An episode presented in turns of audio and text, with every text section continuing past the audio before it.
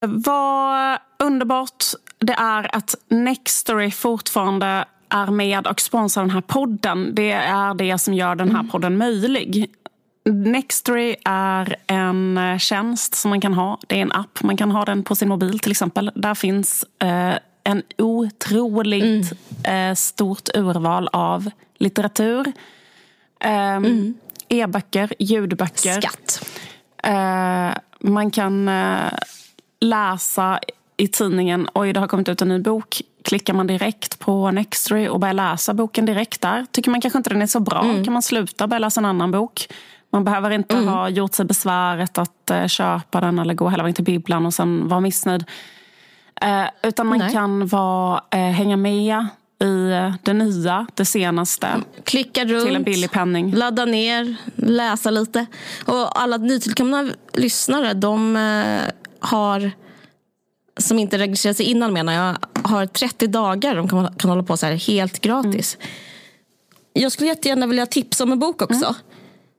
Um, som, uh, jag fick ett litet sug att läsa om uh, arbetarförfattarna. Och det kanske folk tror är tråkigt, men det är jättekul för det är så bra. Mm. Och en bok som jag älskar är Kvinnor och äppelträd. Det var den första bok jag läste av Moa Martinsson. Den handlar ja, kanske fel att romantisera det, men det är sånt jävla mys. De är i Norrköping och är så fattiga.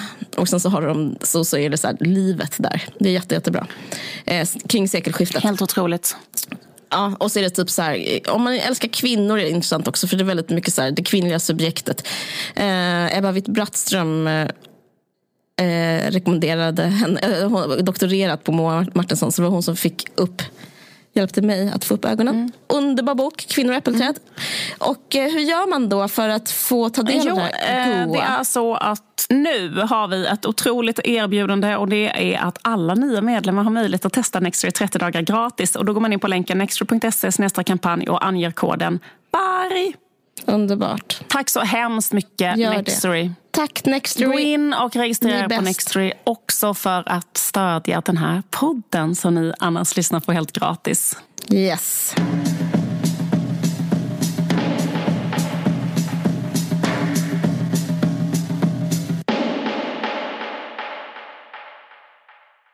Vi har båda läst Året med 13 månader av Åsa Lindeborg. Mm.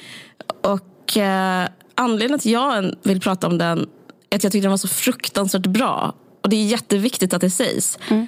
För att den är um, som ett lackmuspapper-test på hur liksom, mottagandet av den och att den skrivs säger väldigt mycket om Sverige just nu tycker jag.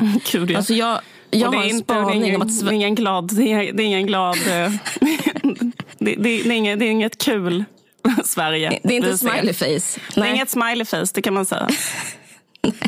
Jag rasar. Jag kokar på grund av mottagandet. Men jag ska sitta och försöka ta det lugnt och så lyssna på dig. Ja, vad underbart att du gör att du ändå kokar. För du varit ändå så här, ah, men jag, eh, jag vet inte om jag kan säga någonting. Men härligt att, att du redan kokar. Det är redan första meningen. Nej, men det var, jag läste någonting i morse som fick mig att... nej, men jag, nej men alltså, eh, förlåt, jag ska inte säga någonting. Nej, men jag vill bara säga, nej. eller eh, exakt. Men, ja, men exakt. Nej, men att jag, jag tycker också boken är så jävla bra och jag eh liksom... Eh, älskar Åsa. Jag, jag, eh, liksom, och det gör att jag kommer att... Alltså att jag inte...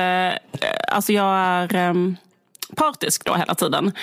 Det kan, folk kan men för tro, fan, självklart kan, är man partisk. Ja men exakt. Men det, är så här, det, måste, det måste jag också få vara. Precis, jag, exakt. Och det beror inte på att jag känner, alltså jag känner inte henne privat. Jag träffade henne typ två gånger eller någonting i samband med, men jag har liksom ingen, så det beror inte på det. Utan det beror, jag älskar henne alltså som yrkesmänniska. Det är det, det, ja. den aspekten jag pratar om. Det. Ja. Men det tycker jag man eh, får, det, får, det, får ja. man, det måste man kunna göra liksom. Ja, ja. Nej, men jag bara menar för att, att man kan beundra någons verk. Men fortsätt nu. Ja. Ja, jag ska försöka. Var var jag någonstans? Nej, just det. Att det säger någonting om Sverige på det sättet. Och jag verkligen vill avge ett löfte. Jag är helt frisk från corona. och kommer inte prata någonting om den. Pandemi, who? Alltså jag kommer inte prata om det. Men jag, det jag tänkt på med eh, hanteringen av eh, eh det här viruset eh, och liksom den här smittan, covid-19, så har jag tänkt så här.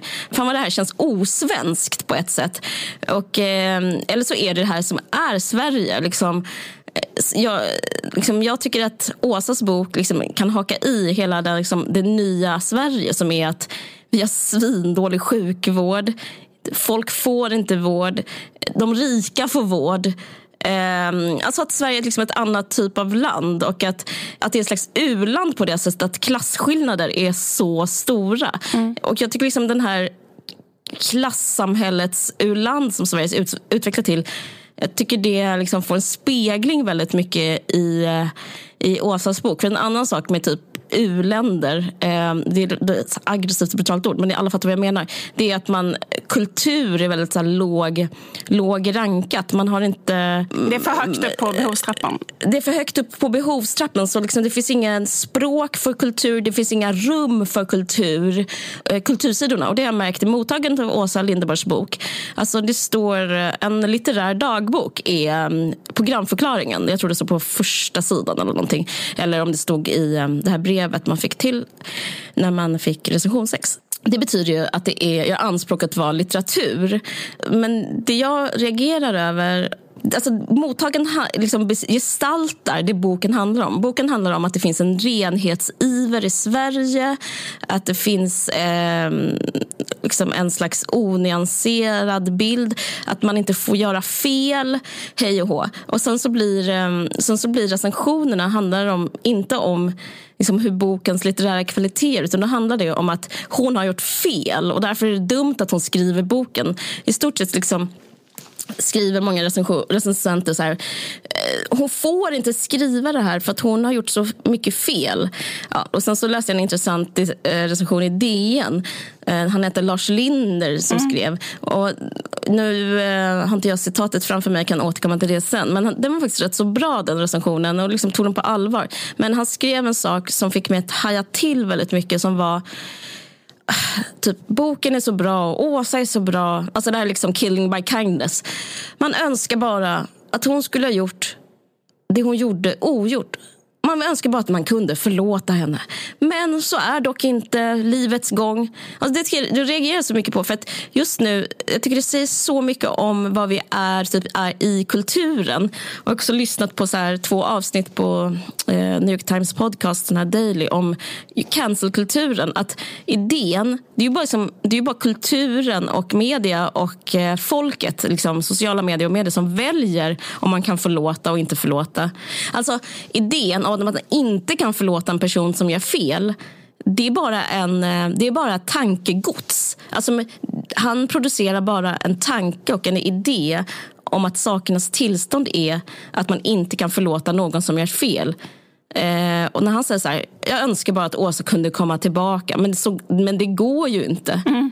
Eh, som att, det han säger så här, hon, I'm gonna cancel that bitch. Det säger han fast på ett väldigt intellektuellt sätt som att idén om, cans, om att cancella någon är liksom så fast liksom, den är så fast eh, bestämd nu i vårt urland att det är bestämt att Åsa Linderborg inte ska få vara en intellektuell person som den personen som vi älskar henne för. Mm. Och han älskar tydligen också henne mm. för det.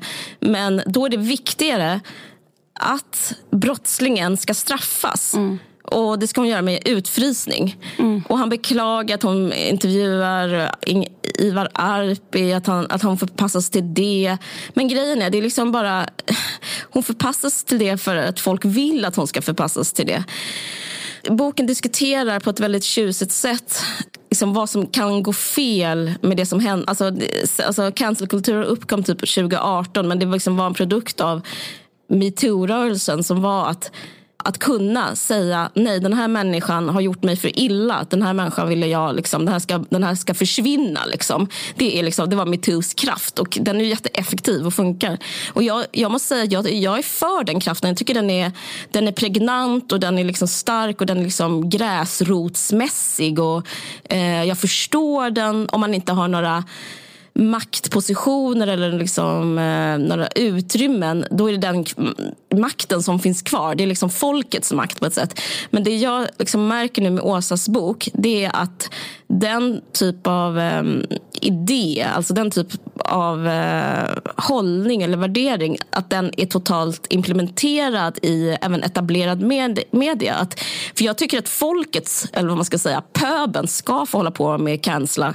Eh, tills de blir tillsagda av någon som, in, som, som, har ett bättre utrymme. Men att typ Lars Linder kanslar på DN Kultur, att Karin Olsson kanslar på eh, Expressen Kultur, att Svenska Dagbladet kanslar.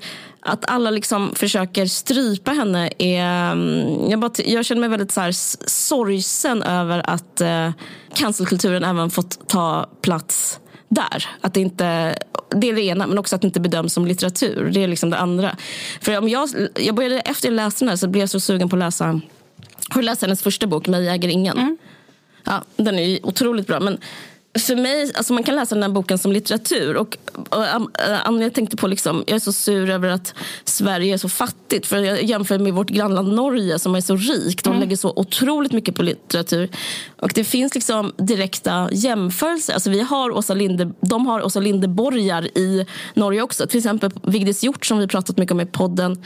Det är liksom, hon har skrivit också en typ av bok. Alltså, Vigdis Hjort hennes bok Arv och miljö handlar liksom om en kvinna som är jättedålig, typ en alkad, eh, liksom fruktansvärt mamma. Alltså, hon själv är liksom, hon är väl helt okej okay som mamma i och för sig, men liksom, hon bara gör fel och hon hänger ut någon och hon liksom är inkonsekvent. Alltså, det är en slags eh, eh, dubblering av liksom Åsa Linderborg fast i en litterär värld i Norge liksom, mm. kan man säga. Alltså, en, en, en rätt fallen kvinna som mm. bara liksom mm, sitter och pratar om sitt utseende, att hon var snyggare innan och har suttit över ett glas vin hela, hela tiden. Den boken blir hyllad som litteratur. Och sen så, samtidigt fanns det en diskussion om så här, ja, hur är det att hänga ut andra människor. Men den, liksom aldrig, den blev aldrig liksom fråntaget sin um, sin rätt att existera. Alltså förstår du vad jag menar? Alltså jag, jag, jag är så skräckslagen inför att premissen är borttagen här. Att Åsa Linderborg inte kan få skriva en litterär gestaltning över sitt liv, alltså, det vill säga roman. Det så, och samma med Knausgård. Det finns, alltså, men inte bara det. Jag, jag började läsa Moa Martinsson och Harry Martinsson efter jag läste hennes bok. För jag fick en extremt sån... För, för mig handlar den, är den här liksom bara rätt ner i typ så här, det här är bara arbetarlitteratur. Och jag tycker den är så otroligt bra som modern arbetarlitteratur. För det handlar om all arbetarlitteratur är nästan alltid samma sak. Det är liksom att en en person som inte har någonting gör en klassresa eh, men klassen är ändå alltid kvar i henne. Och, eh, och det, är liksom, det är så bra recept. Alltså det är typ som grekiska dramer. Att liksom, eh, Oidipus försöker, liksom, han försöker undvika att gifta sig med sin mor så han ger sig ut på en lång resa gifte sig ändå med sin mor och dödade sin far. Mm. Liksom, så tycker jag Åsa Linderborgs ja. bok är. Mm. Om, om man bara tillåter sig själv att se det och om man tillåter sig själv att här, få vara i en slags förhöjd värld som är kultur, som är litteratur. För den handlar om så här, en, och, och liksom, i, i sam, att se den som en del, liksom kanske någons klassepos som börjar med mig äger ingen. Alltså det är, jag får rysningar. Alltså det är liksom en flicka som inte har någonting. En flicka som har en liksom, alkoholiserad pappa och inte sover med lakan. Och sen så har böckerna, alltså exakt mm. som Harry Martinsson och Moa Martinsson. Eh, försöker slå sig fri från sitt öde men gudarna ska straffa henne och kommer straffa henne. Alltså det är så, gudarna, det är så litterärt. Gudarna det blir inte det. Gudarna Karin, Karin, Olsson. ja, precis. Men, liksom, dels är de det på riktigt men, mm. men, men, i boken så handlar det om att hon Liksom, hon går liksom mot sin egen död. Eller mot sin egen, liksom, hon avrättar sig själv på ett sånt sätt som... Eh, alltså det, det är väldigt litterärt. Det, och, så, och sen tycker jag det är så konstigt med folk som kritiserar eller recenserar böcker allt som man skriver är ju producerat. Hur svårt är det inte att göra ett urval, en berättelse, att avväga ett ord? Det är ju en bok med spänning som har en början och ett slut. Alltså det är så konstigt att de tror att de läser, att de inte läser något utan att de bara mm, tar del av verkligheten. För att, alltså jag tycker den kritiken är så konstig. Så här, ja, men det här är ju det här är ju formulerat, det här är ju friserat. Mm. Man bara, ja, men, definiera bok du då? Eller, mm. jag, jag, förstår inte den, den grejen. Ja. Nej, men det är lite sådana tankar jag har tänkt. Eh, och jag känner mig väldigt så här, eh, sugen på att jag känner mig sugen på att försvara typ så här, Åsa Linderborgs heder. För jag tycker liksom hela för, för den sexism som hon kritiseras för att ha, Ja. det är den hon själv utsätts för. Ja. Alltså jag tänker på Maria Sveland som säger att hon är en cowboyfeminist. Mm. Feminist, ett ord som inte finns. Men det betyder typ att man är en eh, mansälskande eller vad ska man säga, internaliserad sexistisk Mm. Får, får, person. får jag bara säga att, precis, att, det, att det är en recension som Maria Sveland skrev som, som eh, var i ETC. Ja, jag bara så, Ja. och, och, och, och den hade rubriken Åsa Linderborgs bok är full av kvinnohat. Ja, precis. Och sen står det så här, cowboyfeminister brukar vi kalla de kvinnor som lierar sig med män hellre än med andra kvinnor. Och då är kritiken liksom är att eh, eh, hon umgås så mycket med män i boken. Typ, och eh, och det, det, det liksom underminerar eh, hennes eh, liksom intellektuella ställningstagande i metoo. Ja, det underminerar henne. Alltså, det, eh, Så hon kan inte som det kvinna... finns en anklagelse Ja, i ja. recensionen. S- Alltså, alltså röd tråd genom de flesta recensioner är att de anklagar henne då för olika saker. Och i Svelands fall så anklagar hon henne för att inte ha så många tjejkompisar. Mm. Och jag menar inte att göra mig lustig, jag, jag fattar inte riktigt den kritiken. Men, men då är det att hon... eh, typiskt, hon, jo, kritiken är så här, typiskt mansälskare. Att typ slänga metoo under bussen. Eller så här, gör.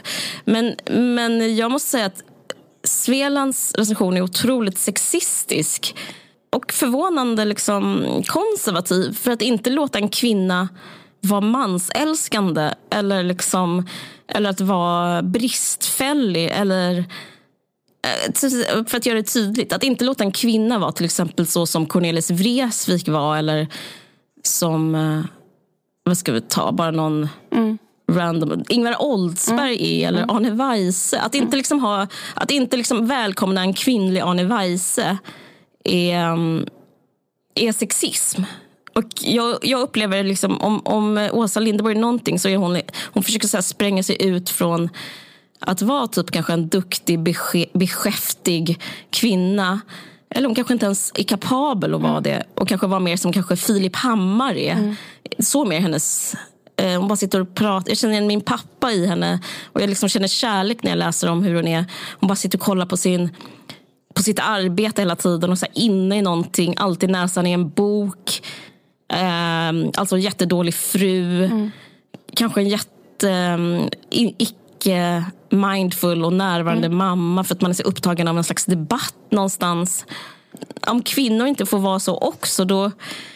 Alltså då jag tar mig för huvudet. Alltså det, jag, mm, den typ form av sexism måste sluta. Men- Man ja, måste precis, men- låta henne få vara så. Men, liksom. men också så här att, eh, att man eh, kräv, alltså att man, det är ju, liksom finns ju en parallell till den här eh, husblatt-debatten. Alltså att eh, det fanns liksom en tendens inom vänstern att säga att eh, liksom någon med rötter i ett annat land kan inte ha vilken politisk åsikt som helst. Alltså typ en, bara, liksom, alltså så att så här, för att du har haft rötter i ett annat land så måste du eh, ha de här, de här politiska åsikterna. Och då kanske de var så här, nej men jag är liksom en tänkande... Alltså det är a- anti-liberalt verkligen att vara så här, nej men, alltså, det är väldigt identitetspolitiskt. För det är så här, eh, jag, jag, jag läste också att Maria Sveland skrev så här, alltså, just därför att Åsa kritiserar då intellektuellt metoo. Och då tycker jag liksom att då kan man liksom bemöta hennes argument istället. Så här. Och, och Det är så basic så jag fattar inte ens hur man ska behöva säga det. För liksom så här, Nej, om hon nej. då har ett argument mot metoo och man själv är för metoo, då kan man ju säga ett intellektuellt argument för metoo. Då. Eh, Men istället så säger man så här, eh, hon ställer sig på männens sida för att hon är mansidentifierad och det beror på ett internaliserat kvinnohat. Och då liksom psykologiserar man henne, säger att hon lider av en psykisk, eh, ett, en psykisk, ett psykiskt problem.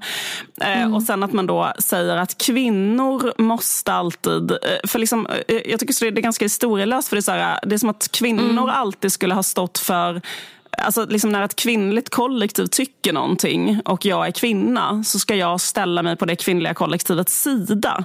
Eh, liksom alltid i historien. Då kan man ju, det finns ju vilka, vi- eller liksom för Maria Svelland skriver så här, varför står hon inte på kvinnors sida? Men bara, man bara, men eh, vad heter det?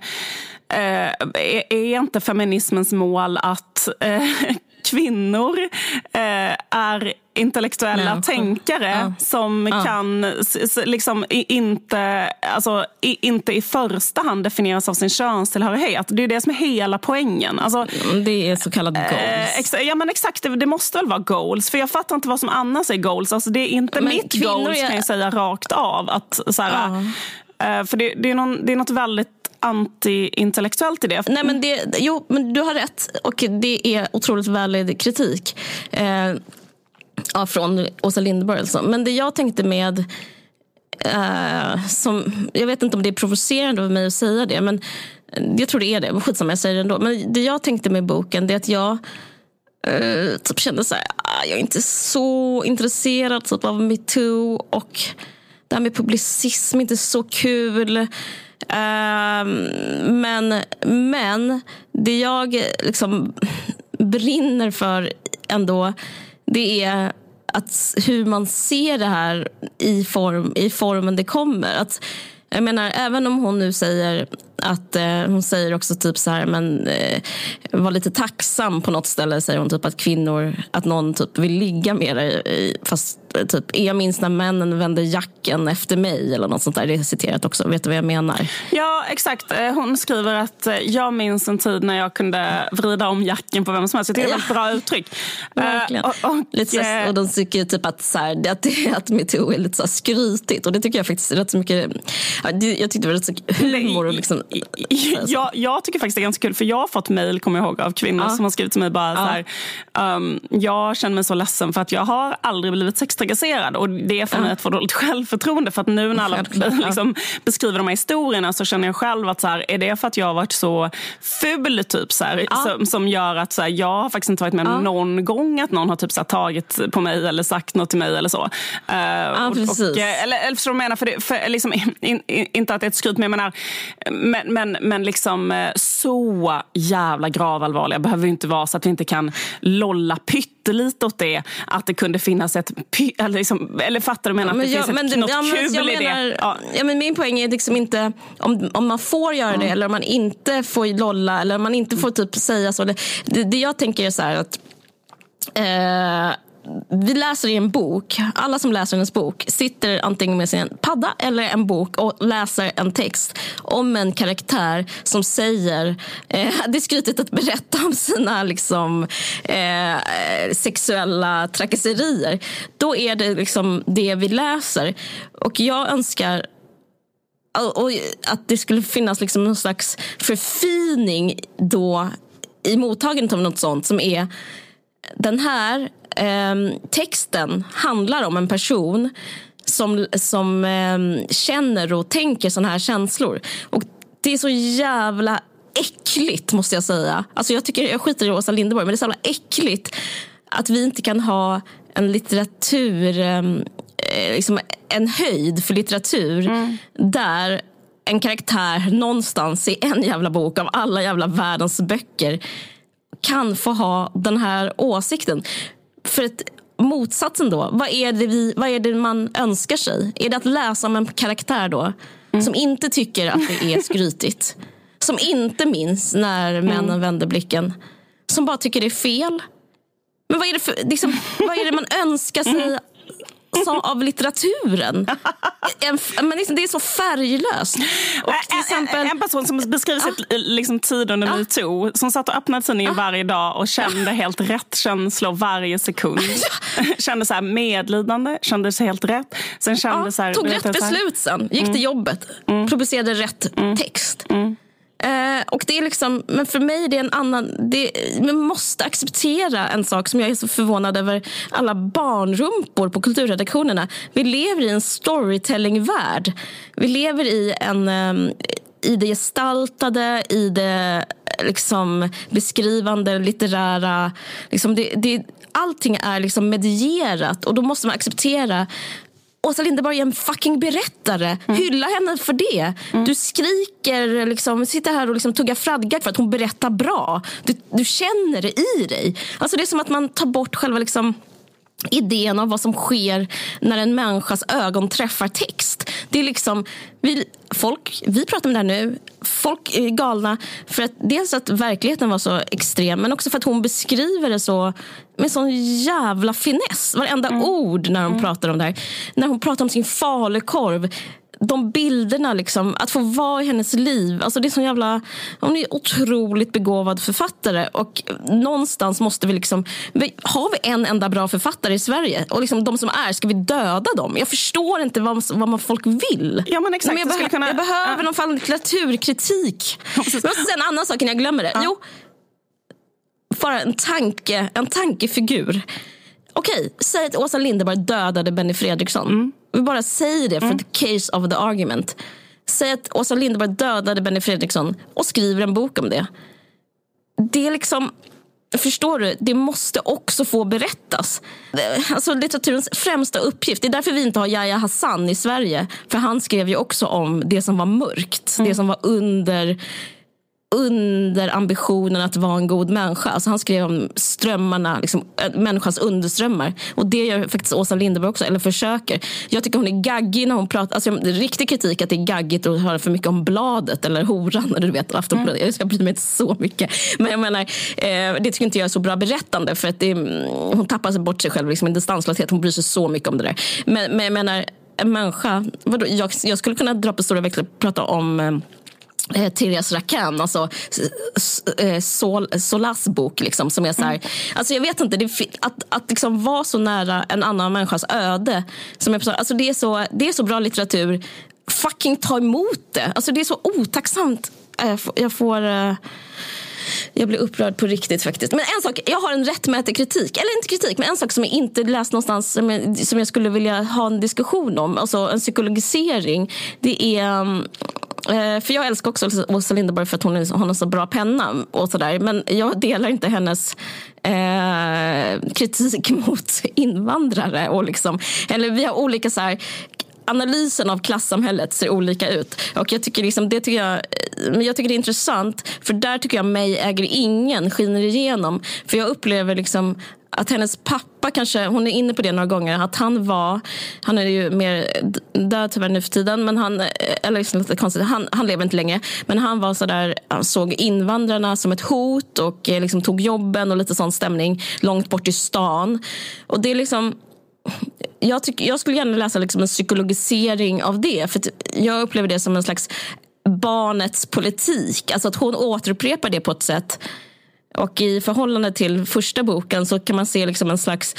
Alltså Aftonbladet är också liksom en connection med sin pappa och barnets närmande till sin pappa. Alltså jag blev, det låter jättekonstigt men jag blev liksom rörd när jag läste hennes liksom, minirassiga eh, analyser. Eh, jag vet inte, men det är som alla, alla medel man brukar recensera litteratur eh, innan eh, för fem år sedan eller tio år sedan. De är liksom borta och det enda man recenserar är du vet, verk och person. Det är bara personen. Jag, bara, ja, jag, jag sörjer det verkligen.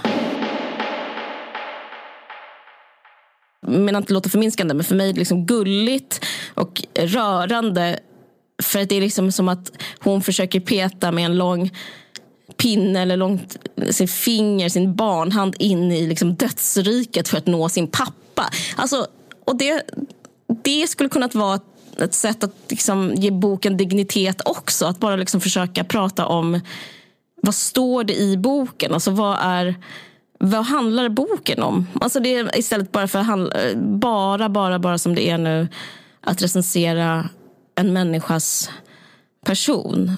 Och alla som recenserar... Som, ja, får, jag, får, jag, får jag säga ja. bara, ja. för jag håller inte ja, riktigt med dig. Men nej, alltså, nej. precis så bara måste säga, för jag tycker ändå att uh, det som hon uh, tar upp där, det är mm. liksom...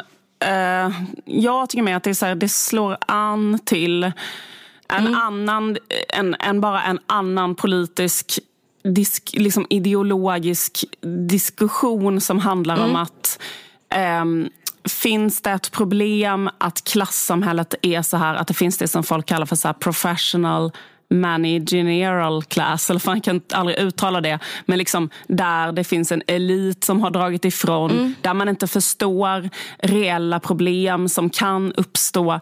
Eh, liksom, mm. och, och, och där tror jag liksom att, eh, jag vet inte om jag tolkar henne välvilligt, men jag upplever liksom att den välvilliga tolkningen av det är att istället för att bara hela tiden säga till alla eh, som mm. lever på kanske landsbygden eller, i, så här, olika, eller liksom blir av med sina jobb. Och så. Istället mm. för att bara säga hela tiden till dem att mm. eh, nej men, liksom, det finns inga materiella problem alls som kan ja, uppstå. Det finns inga sociala problem, det finns inga materiella problem, det finns ingenting så här, utan det är bara att ni mm. är rasister som gör att ni upplever problem kopplade till invandring. Liksom.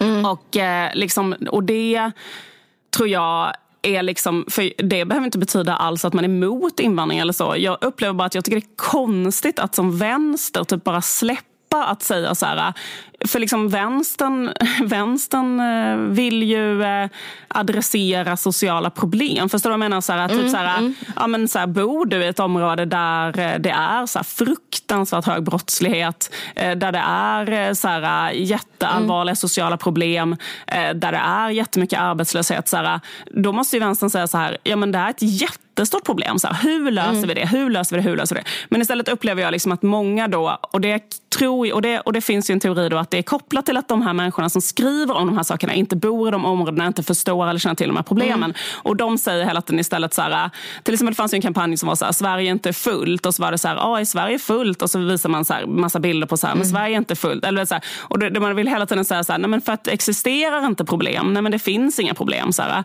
För att de som säger mm. att det finns problem, de är rasister. Och då blir man så här, men man kan vara antirasist och säga att det finns problem och att de problemen måste lösas på grund av de människorna som bor där. Alltså, liksom förstår du vad jag menar? Därför att så här, mm. det finns ingen som ska behöva bo så. Alltså, liksom att det finns Nej. någonting i det som så här, alltså att det finns någonting i den där liksom eh, i den där samhällsklassen som kan, som kan bero på att de inte bara är aldrig där och vet ingenting som händer. Och därför så skriver de hela tiden att det inte existerar några problem. Eh, och, och, det, mm. och det gör också att man så lämnar hela det fältet fritt bara för rasister att mm. skriva verkligheten. Liksom så det, det, det, mm. det är liksom, eller för, för det är det hon Absolut. menar, att om han säger så, ja, jag har blivit mm. av med mitt jobb på grund av mm. det här. Då är det liksom en, mm. det behöver inte bero på att han är rasist, utan det kan bero på ett materiellt faktum, att han har förlorat sitt jobb. Och då istället för att säga så här, um, ja du, um, du är rasist, Sara, så kan man säga till honom, eh, eller så kan man diskutera, ah, vad ska vi göra med människor som är arbetslösa på landet? Alltså förstår du vad jag menar? Mm. Liksom, eller hur, hur, eh, hur löser ja, hon skriver vi? ju allt det liksom, du säger. Men jag ja. menar att det finns äh, att man kan tolka henne ja. trots det psykologiskt. Nej, men det är intressant också. Mm. Jag tänker också på mig ringen att det finns någon sån, det finns en, sen, ett, en sentiment, det finns en emotionell, liksom, det, det jag, känner mig, jag känner mig i alla fall nära hennes pappa när hon pratar om det.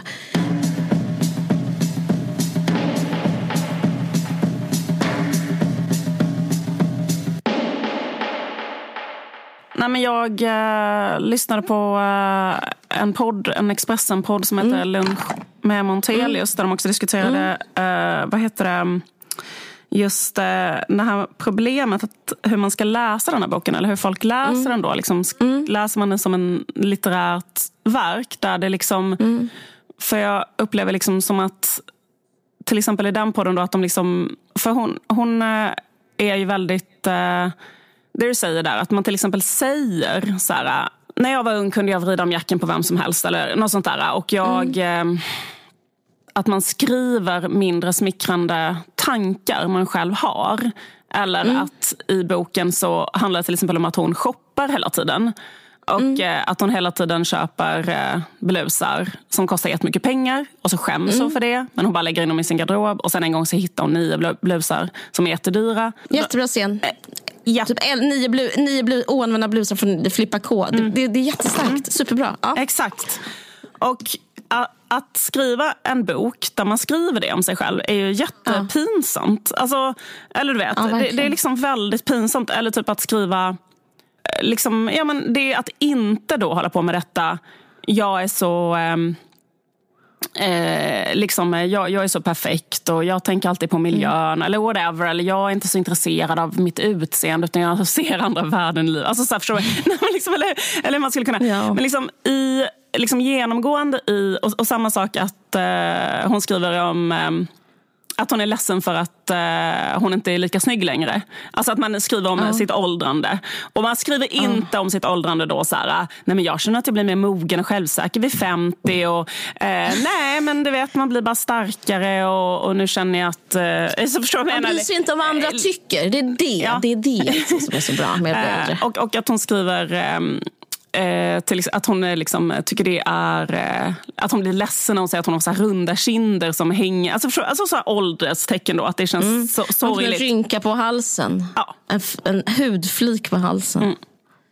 Ja.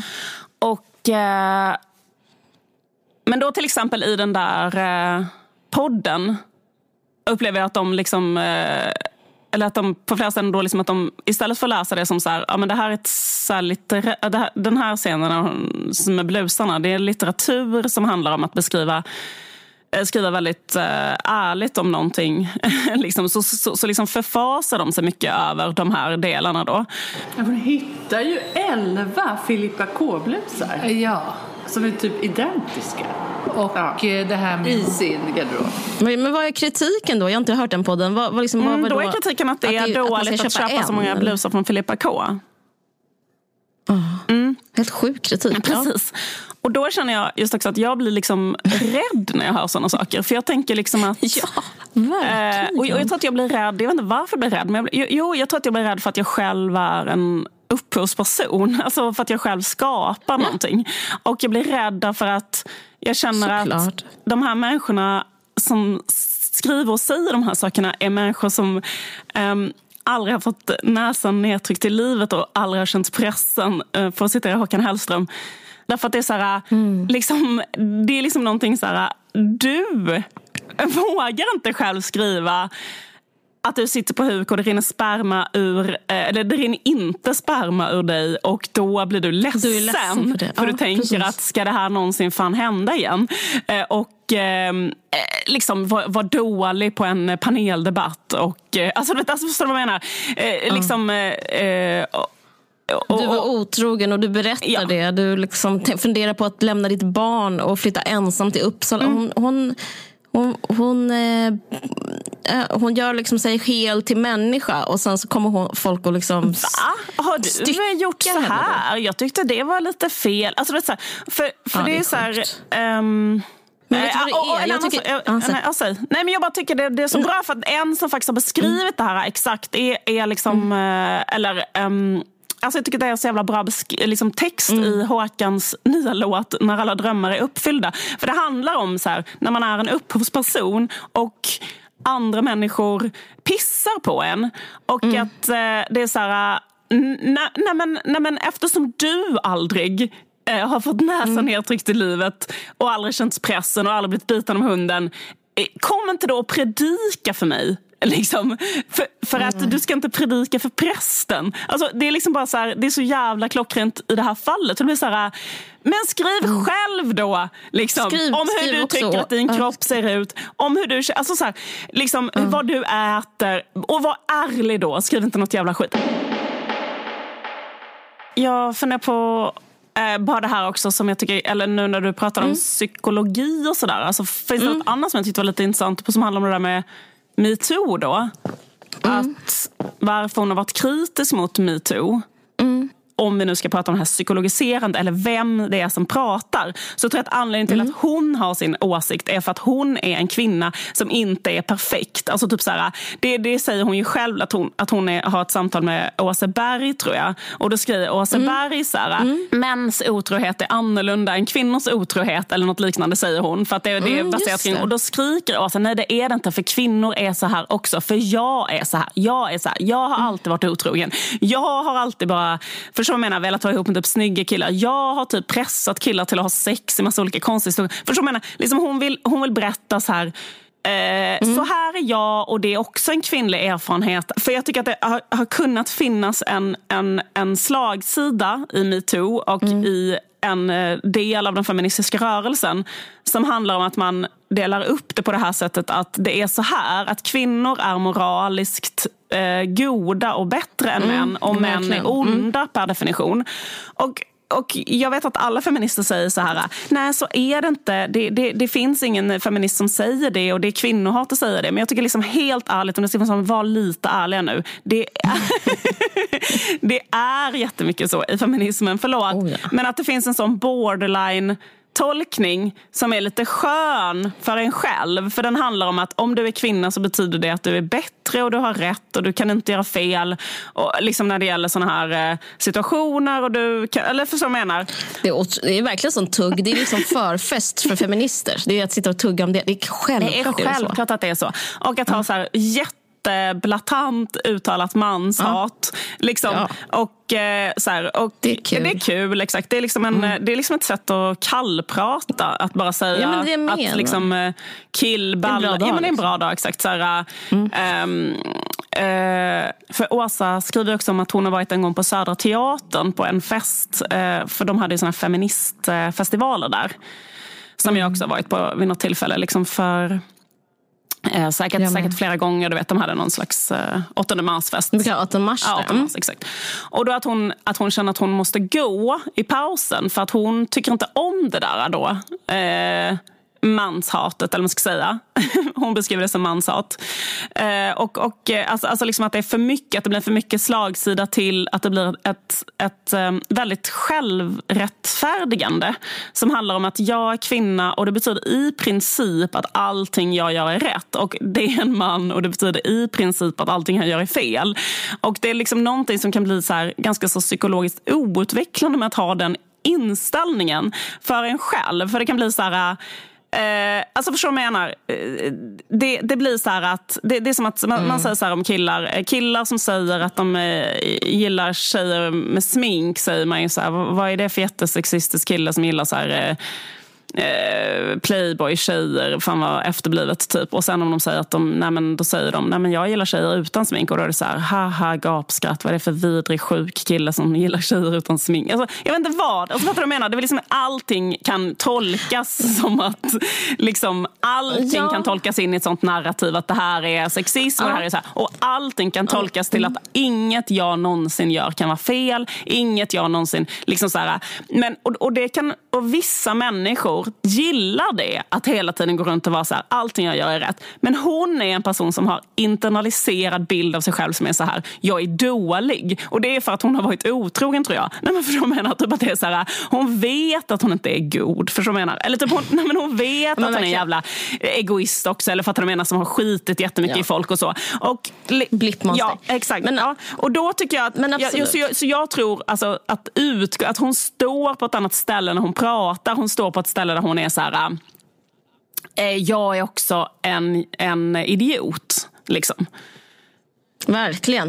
Eh, men det är också för att hon är författare. För att eh, alla författare är idioter. För Mm. Alla att människor de är som det. inte är Alla människor är Ja, det. Mm. men, men, men författare erkänner att de är det för annars f- finns det inget stoff. Men en annan sak som jag tänkte på som faller, alltså de faller på sin egen fälla, fan man ska säga. Men jag tänkte på Matilda Voss Mm. eh, och i, eh, vad heter hon, Svealand. Att det som de kritiserar henne för, alltså det som särskilt Matilda Voss Gustafsson när hon skriver eh, nu sin liksom kritik som är lite så här, mm, hon, har, hon har rätt så behagligt sätt att skriva så det var rätt så bra läsning tycker jag. Men jag tycker var eh, en sak jag reagerade på var att hon, hon tyckte att Åsa Linderborg i boken inte lät kvinnor vara komplexa men att hon tillåter sig själv vara komplex. Men eh, inte för att vara sån men eh, jag tycker att Matilda Gustafsson Voss inte låter Åsa vara komplex. För att hur ska vi, alltså när ska man dra gränserna för vem som är offer och förövare? Alltså, how about bjuda in Åsa som ett offer då? Alltså, tänk om Åsa är offer, vilket jag fram, alltså min poäng i det här är att hon liksom, och som jag pratade om innan det här med att hon, hennes resa, hennes liksom, hennes tragedi, hennes tra, liksom, är att till slut så är det hon som faller, det är hon som, som fa, faller offer. Och även hon har, är offer och jag undrar om hon, om hon gör det här medvetet, då, är det, då ska hon ha Augustpriset. Men, eh, för jag tycker det är så briljant och tjusigt att det finns en parallellhistoria om P och hur hon beskriver att hon blir ett offer på en, liksom en slags kärleksmarknad eller sexuell mm. liksom, arena där hon inte duger, där hon doftar ur. Alltså det är också en del av det som eh, metoo handlar om. Att vara inte den som bestämmer över eh, Liksom, alltså metoo handlar väl mycket mer om sexuella trakasserier men liksom avsaknad av sexuella trakasserier, alltså den som är det kan också vara att vara, liksom, ha agens och inte ha agens. Alltså, alltså Åsa Linderborg i boken blir också hon blir dumpad och utspottad och eh, förbrukad av ett manssamhälle.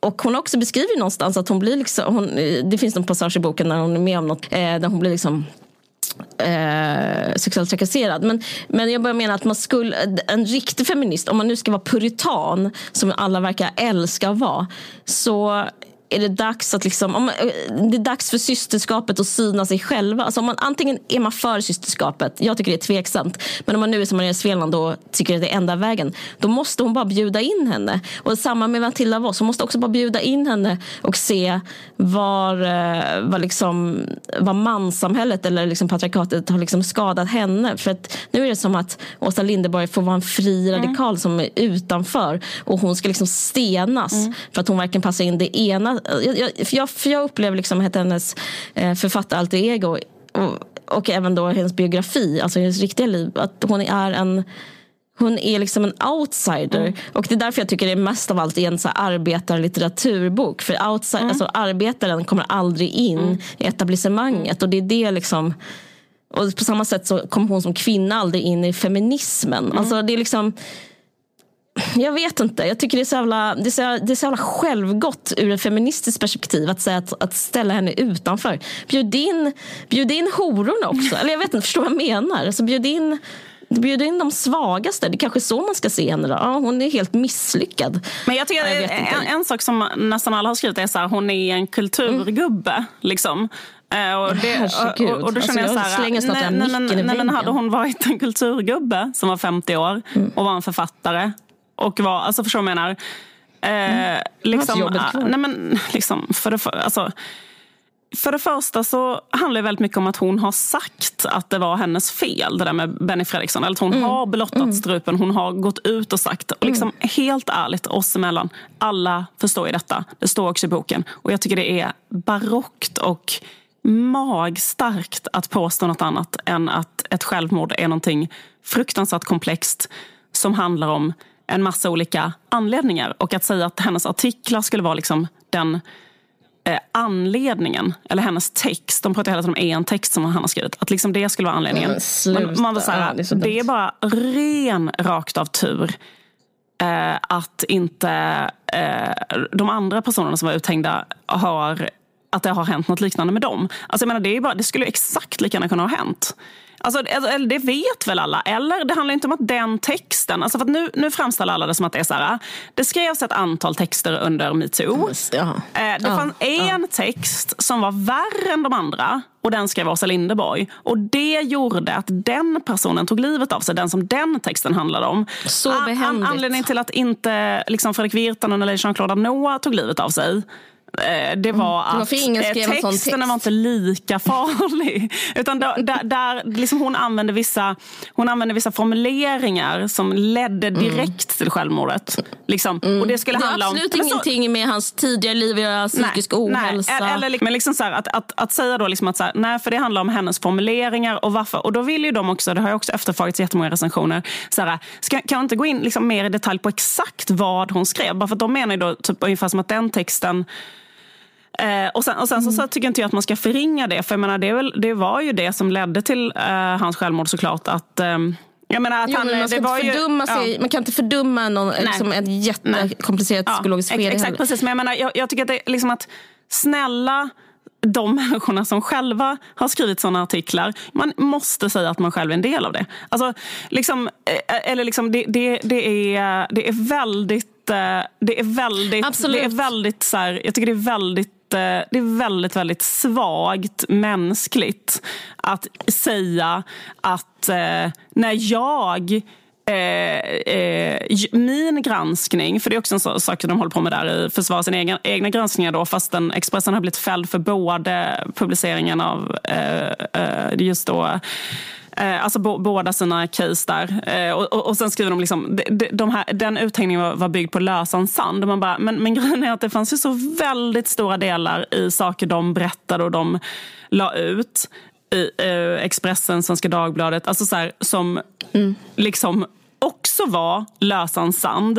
Eh, alltså förstår vad jag menar? Man bara, hela Lasse mm. Kroner, mm. förlåt mig. Men alltså vadå, vad var det för något? Alltså förstår vad jag menar? Det vet väl alla. Eller så här, det, det fanns ju jättemånga som var så här eller det fanns väldigt stora bitar i det som bara var att liksom, det var bara rena turen att liksom, alltså så här, vad, vad, har ni mm. skrivit om folk och skrivit på löpsedlar och tagit fram jättepinsamma privata interaktioner de har gjort och liksom, jo, liksom lämnat ut till hela svenska folket och deplattformat dem och gjort att de aldrig mer kan vara verksamma. Så här. Det, det, det, det, det är ju liksom, sen kan man tycka så här, och, det, och det behövde vi ändå göra och så vidare. Men säg inte att det inte är att eh, leka Gud väldigt mycket. Alltså. Jag tror att liksom det som hon är inne på i boken, det, det är kanske, alltså ska man säga, jag tyckte boken var bäst som jag läste den som jag, en, liksom, en Lars Noréns dagboksläsning eller en Knausgård-läsning. Men om det finns något intellektuellt stoff jag tog med mig så tyckte jag att hon har väldigt rätt om det här med Alltså att vi är i renhetens tidevarv. Att vi liksom måste kanske sluta med renhet. För renhet är eh, lögn. Mm. Om vi ska liksom börja leva i ett intressant, härligt samhälle så måste vi kanske sluta ljuga om eh, godhet, renhet och eh, kanske välkomna in mörker. Eh, jag, jag, upplever att hon gör en ansats liksom, med sig själv som insats. Alltså hon står för mörkret. Alltså när, hon, när, hon säger, när hon saknar sperma, när hon säger att hon är, har tjock mage, när hon liksom, allting hon är dåligt med henne. Så det är som att hon bara hon liksom lånar ut sig själv till att höja taket. Mm. Och jag tycker det ska applåderas. Absolut.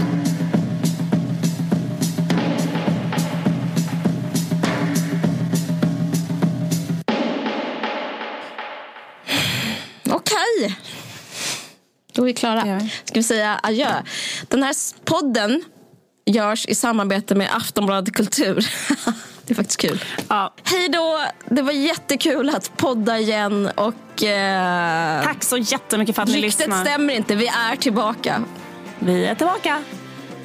Okej. Okay. Vi hörs om två veckor. Hej då. Hej då.